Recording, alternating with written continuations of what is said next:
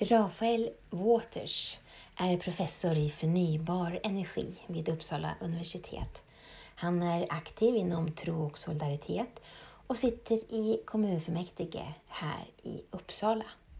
Vi träffades och pratade om klimatomställningen, om cirkulär ekonomi och om vikten av klimatledarskap. Vi gjorde det medan vi drack en kopp te i ett regnigt Uppsala. Lyssna gärna på samtalet.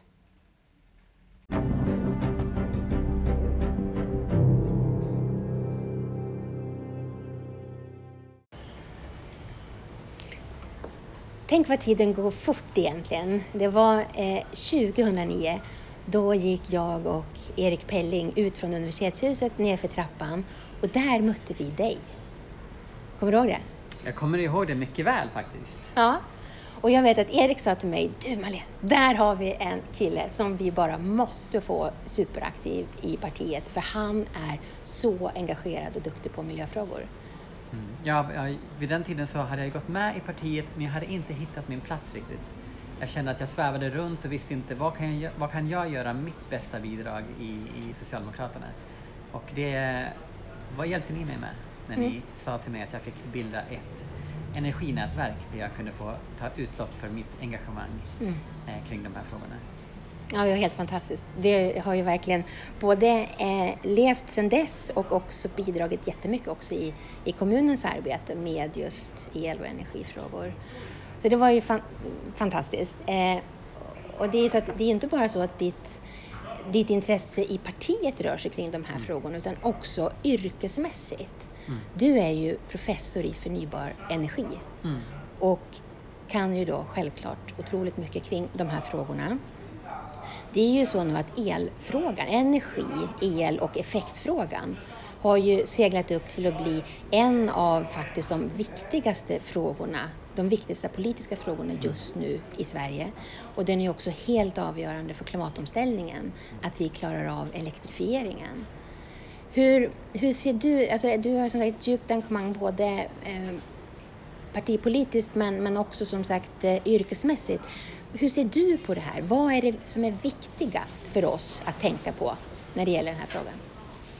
Ja, det är ju en, såklart en jättestor fråga det här med energi och el och det är också någonting som förändras. Det är ju stor rörelse hela tiden inom det här området. Eh, så det är, bara det är utmanande tror jag för politiken och politiker att hålla tempot och veta lite grann vad, vad, vad är det som händer nu då? Vad, är det som är, vad, vad, borde vi göra för att det ska rulla på så fort som möjligt? Eh, men ett par områden tycker jag ändå som är ganska viktiga att tänka på, det som är utmanande eh, och som jag kan säga, det är ju bland annat då, för det första kanske framför allt, det är det här med data faktiskt. Vi har massor med, med i Sverige. Vi, har, vi är ett sånt innovativt land. Det finns jättemycket kloka, engagerade människor som bara brinner för att hitta på och lösa de här utmaningarna vi har framför oss. Eh, men för att kunna lösa en, ett problem eller en utmaning så måste man ha information om det problemet. Man måste kunna beskriva problemet mm. och därför hamnar vi i data. Eh, så det vi egentligen skulle behöva bli bättre på eh, är att tillgängliggöra, beskriva utmaningarna som vi har med data. Hur använder vi energin idag? Hur använder vi el idag? Mm. Eh, vad har vi för behov? Hur produceras den? De här bitarna. För om vi, kan, om vi kan tillgängliggöra den, då bjuder vi in innovativa krafter till att lösa de här utmaningarna som vi har. Mm. Så det skulle jag säga är, är, faktiskt nummer ett eh, här, att, att, eh, att med, med, just med data som är relaterat till till eh, energiutmaningarna, en omställning till ett hållbart energisystem. Um, och sen en andra, annan sak som jag kan, kan, kan nämna det är ju när vi utformar olika stödsystem från, från statligt håll eh, att vi tänker något steg extra där också. Eh, som till exempel nu när, när, när, man kan få stöd för, för ladd, laddinfrastruktur och laddstolpar. Så att vi tänker att det måste vara möjligt i, i nära framtid att också kunna kanske eh, styra den där eh, laddningen, eller i alla fall samordna den laddningen på något sätt. Att, mm. vi, kan, att vi kan ha smarta, eh, smarta elnätslösningar så vi inte bygger in fler saker i systemet som vi inte har någon kontroll över som, som konsumerar energi.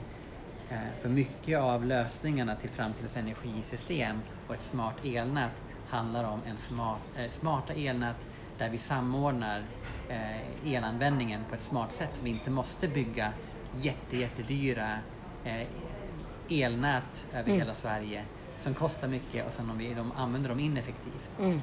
Så det, där För vi, har vi en stor utmaning. Ja, för vi, vi pratar ju jättemycket idag om just det här, hur ska vi lagra energin?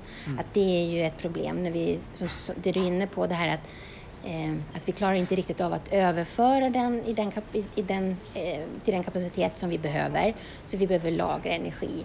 Samtidigt nu som vi bygger in mer och mer batterier i, i bilar och bussar och i, i, i många andra applikationer som, som faktiskt också lagrar energi och hur man då kan på ett smart sätt också kan, kan dela på den här energin. Ja, precis. Det är bland annat det som sagt det här handlar om med, med, med smarta, smarta städer och, och smarta elnät. Ja. Bilar som står stilla under en stor del av dygnet och de är ett energilager. Mm. Ett lokalt litet energilager och skulle kunna vara delaktigt i ett, i ett en, lokalt energisystem på ett helt annat sätt än vad man historiskt har sett på, Mm. eh, på bilar till exempel. Mm. Det finns jättemycket möjligheter där eh, som vi egentligen skulle verkligen behöva eh, se till att vi, vi utvecklar. Mm. Jättespännande. Mm. En, en annan eh, väldigt viktig fråga, jag menar som sagt eh, el och energifrågan har verkligen seglat upp och blivit jättestor. En annan väldigt stor och viktig fråga kopplat till både klimat och miljöfrågan, det är ju cirkulär ekonomi och hur vi tar tillvara på de resurser vi har inom alla sek- sektorer på ett, på ett mycket bättre sätt än vad vi faktiskt gör idag. Och du är också aktiv inom tro och solidaritet. Och under den här veckan så vet jag att ni har haft ett antal lanseringsseminarium och tagit fram en rapport, Återvinn Sverige. Och jag har ju haft förmånen att, att få läsa den rapporten och tycker den är, är helt fantastisk. Men vill du berätta lite grann kring, kring den rapporten och det arbete som ni har gjort? Men jag tror att det som den rapporten bidrar med, som, som, som, eh, som behövs i debatten egentligen, det är att lyfta frågan kring eh, just det här cirkulära mer. Och att vi behöver tänka mer cirkulärt i hela samhället. Med, och, då, och vad betyder det? Jo, men det är ju att de eh, material som, som vi utvinner från naturen, eh, att vi att, vi inte, att de inte hamnar på en soptipp någonstans utan att vi, att vi bygger redan från början produkter, mobiltelefoner och annat så att med, med tanken på hur i slutet på livslängden kan man ta isär den i sina beståndsdelar och material och sen bygga en ny mobiltelefon. Ehm, så det är ett, ett, ett exempel. Eh, och det är kopplingen, det är dels det att vi måste tänka mer cirkulärt överallt i samhället. Eh, jag tänker biogasen är ett ex, perfekt exempel i Uppsala till exempel. Mm. Där, där, där våra avfall från, från maten blir till biogas och till eh, växtnäring. Och biogasen driver vi bussarna med och växtnäringen går tillbaka till åkrarna och blir till ny mat. Mm. Där har vi ett jättebra exempel på cirkularitet också. Eh, och det som man gör också i rapporten det är man pratar, att vi pratar om cirkularitet och vi pratar om den här infrastrukturen som behövs kring, kring för, också i, i, i framtiden med elnät, eh, till exempel och digitaliseringen. Men att vi kopplar det väldigt mycket till jobben och arbetstillfällen. Mm. Och att det här handlar väldigt mycket om att eh, egentligen bygga upp eh, och, och lägga grunden för framtidens eh, företag och framtidens ar arbeten egentligen. Mm. Det tycker jag ser, är liksom styrkan i den rapporten, att, att försöka lyfta det. Mm. Allting kopplat kring jobben, men cirkularitet och infrastruktur, dig- digitalisering, eh, det här smarta energisystemet som vi ska utveckla. Mm. Ja, men det är ju en, en jätteviktig aspekt och, och, och som både kombinerar då gröna jobb, att faktiskt få jobb i omställningens spår, men, men också att verkligen se att vi, vi kan inte fortsätta att använda eh, råvaror och naturresurser i den takt som vi faktiskt gör idag. Utan vi, vi måste inom alla områden som sagt se, se till att vi kan, att vi kan få den här, det här flödet eh, som, som på ett sätt är så självklart men som faktiskt är eh, svårt. Det är mycket lagstiftning som måste ändras men, men också mycket innovation som ska till. Och, och jag tror också inom åtminstone vissa områden så handlar det också mycket om hur vi som konsumenter ser på saker och ting. Att, att, det är helt, att, att eh, återanvunnet material också är, är fullgott och bra. Mm. Så jag tror att vi behöver jobba på många fronter politiskt verkligen. för att verkligen få igång den, den cirkulära ekonomin. Mm. Mm. Ja, jag håller verkligen med. Mm.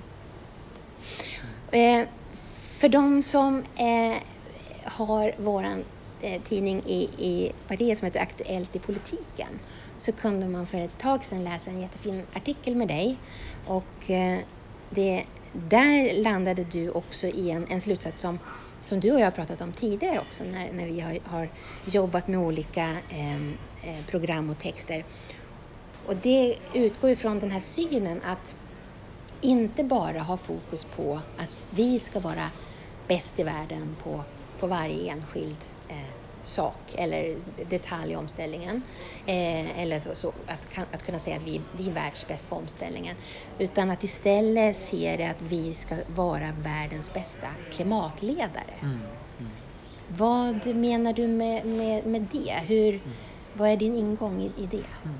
Nej men jag tänker att, eh, att eh, det spelar ju faktiskt ingen roll ifall, ifall Sverige klarar vår del av eh, Parisavtalet eh, vårt, om vi lyckas att minska våra koldioxidutsläpp.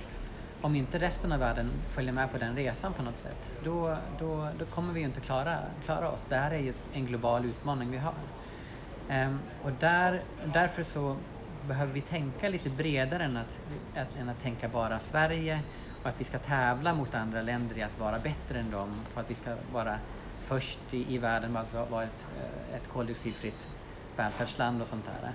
Ehm, utan att, det kan, att, det, att vårt bästa bidrag till, till, till världen och för att kunna göra den här hållbara omställningen är kanske inte att vara bättre än de andra utan vårt bästa bidrag är kanske att leda de andra. Mm. Um, och där har ju vi genom, vi har en otrolig position som vi kan, som vi kan bygga vidare på där genom decennier av, av förtroende som är, är byggt för, för att Sverige har varit väldigt progressiva och duktiga på det här området. Mm. Jag tycker det är jättehäftigt bara att, att Greta Thunberg till exempel kommer från Sverige. Det kan man ju tycka, ja men det är såklart att hon gör det. det är ju, Sverige är ju det här landet som har den här rollen i världen som har legat i framkant i miljötänk mm. tänk alltid. Och vi behöver bygga på det och se oss, lyfta oss lite grann, inte tänka att nu ska vi vinna över andra. Det är ganska, det är ganska, det är ganska en mindre vision kan jag tycka, än att tänka att vi, ska, att vi får lyfta och sträcka på oss lite grann och tänka vi kan faktiskt vara ledare i det här. Vi ska såklart lära av andra, eh, för det har vi, mycket, vi har mycket att lära av andra också. Men, det, men vi, vi kan verkligen vara ledare på globala klimatledare mm. i den här omställningen. Mm. Så det fokuset skulle jag vilja att vi, vi bytte, att vi hade liksom lite grann det fokuset istället. Det var lite mer internationella kanske i vår mm. utblick och vårt tänk, vårt engagemang framöver. Jag gillar ju verkligen den, den ingången, den, den eh, jag, jag, gillar den verkligen och jag tänker att den, den också passar väldigt bra i, i socialdemokratin.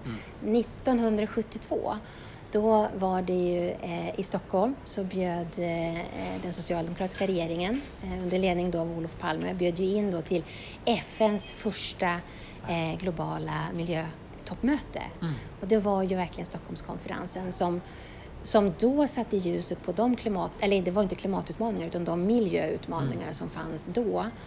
Och eh, nästa år så kommer det ju vara ett klimattoppmöte i Stockholm just mm. för att eh, minnas det och att eh, fortsätta i det spåret. Så jag tänker att mm. vi har den konferensen och sen har vi våren 22 så kommer ju Sverige vara ordförandeland i EU och eh, då ska ju vi försöka landa ner väldigt många av de här lagstiftningsförslagen som nu finns i i Fit for 55 och det ja. finns ju jättemycket nu kring EUs klimatlag. Så att jag tänker att Ja, vi har varit jättedrivande i EU och jätteduktiga via vår, eh, våra parlamentariker Jytte Guteland till mm. exempel. Mm. Det är mm. varit, eh, vi gör verkligen avtryck mm. där. Och 50 år som du säger, vi har haft 50 år då av, av historia som klimatledare, miljöledare. Mm internationellt. Mm. Att det är en tradition vi ska bygga på.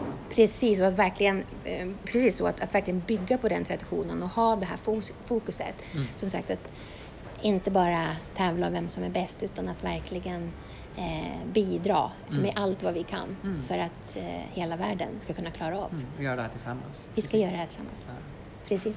Tack så jättemycket för att jag fick prata med dig. Tack detsamma Malena.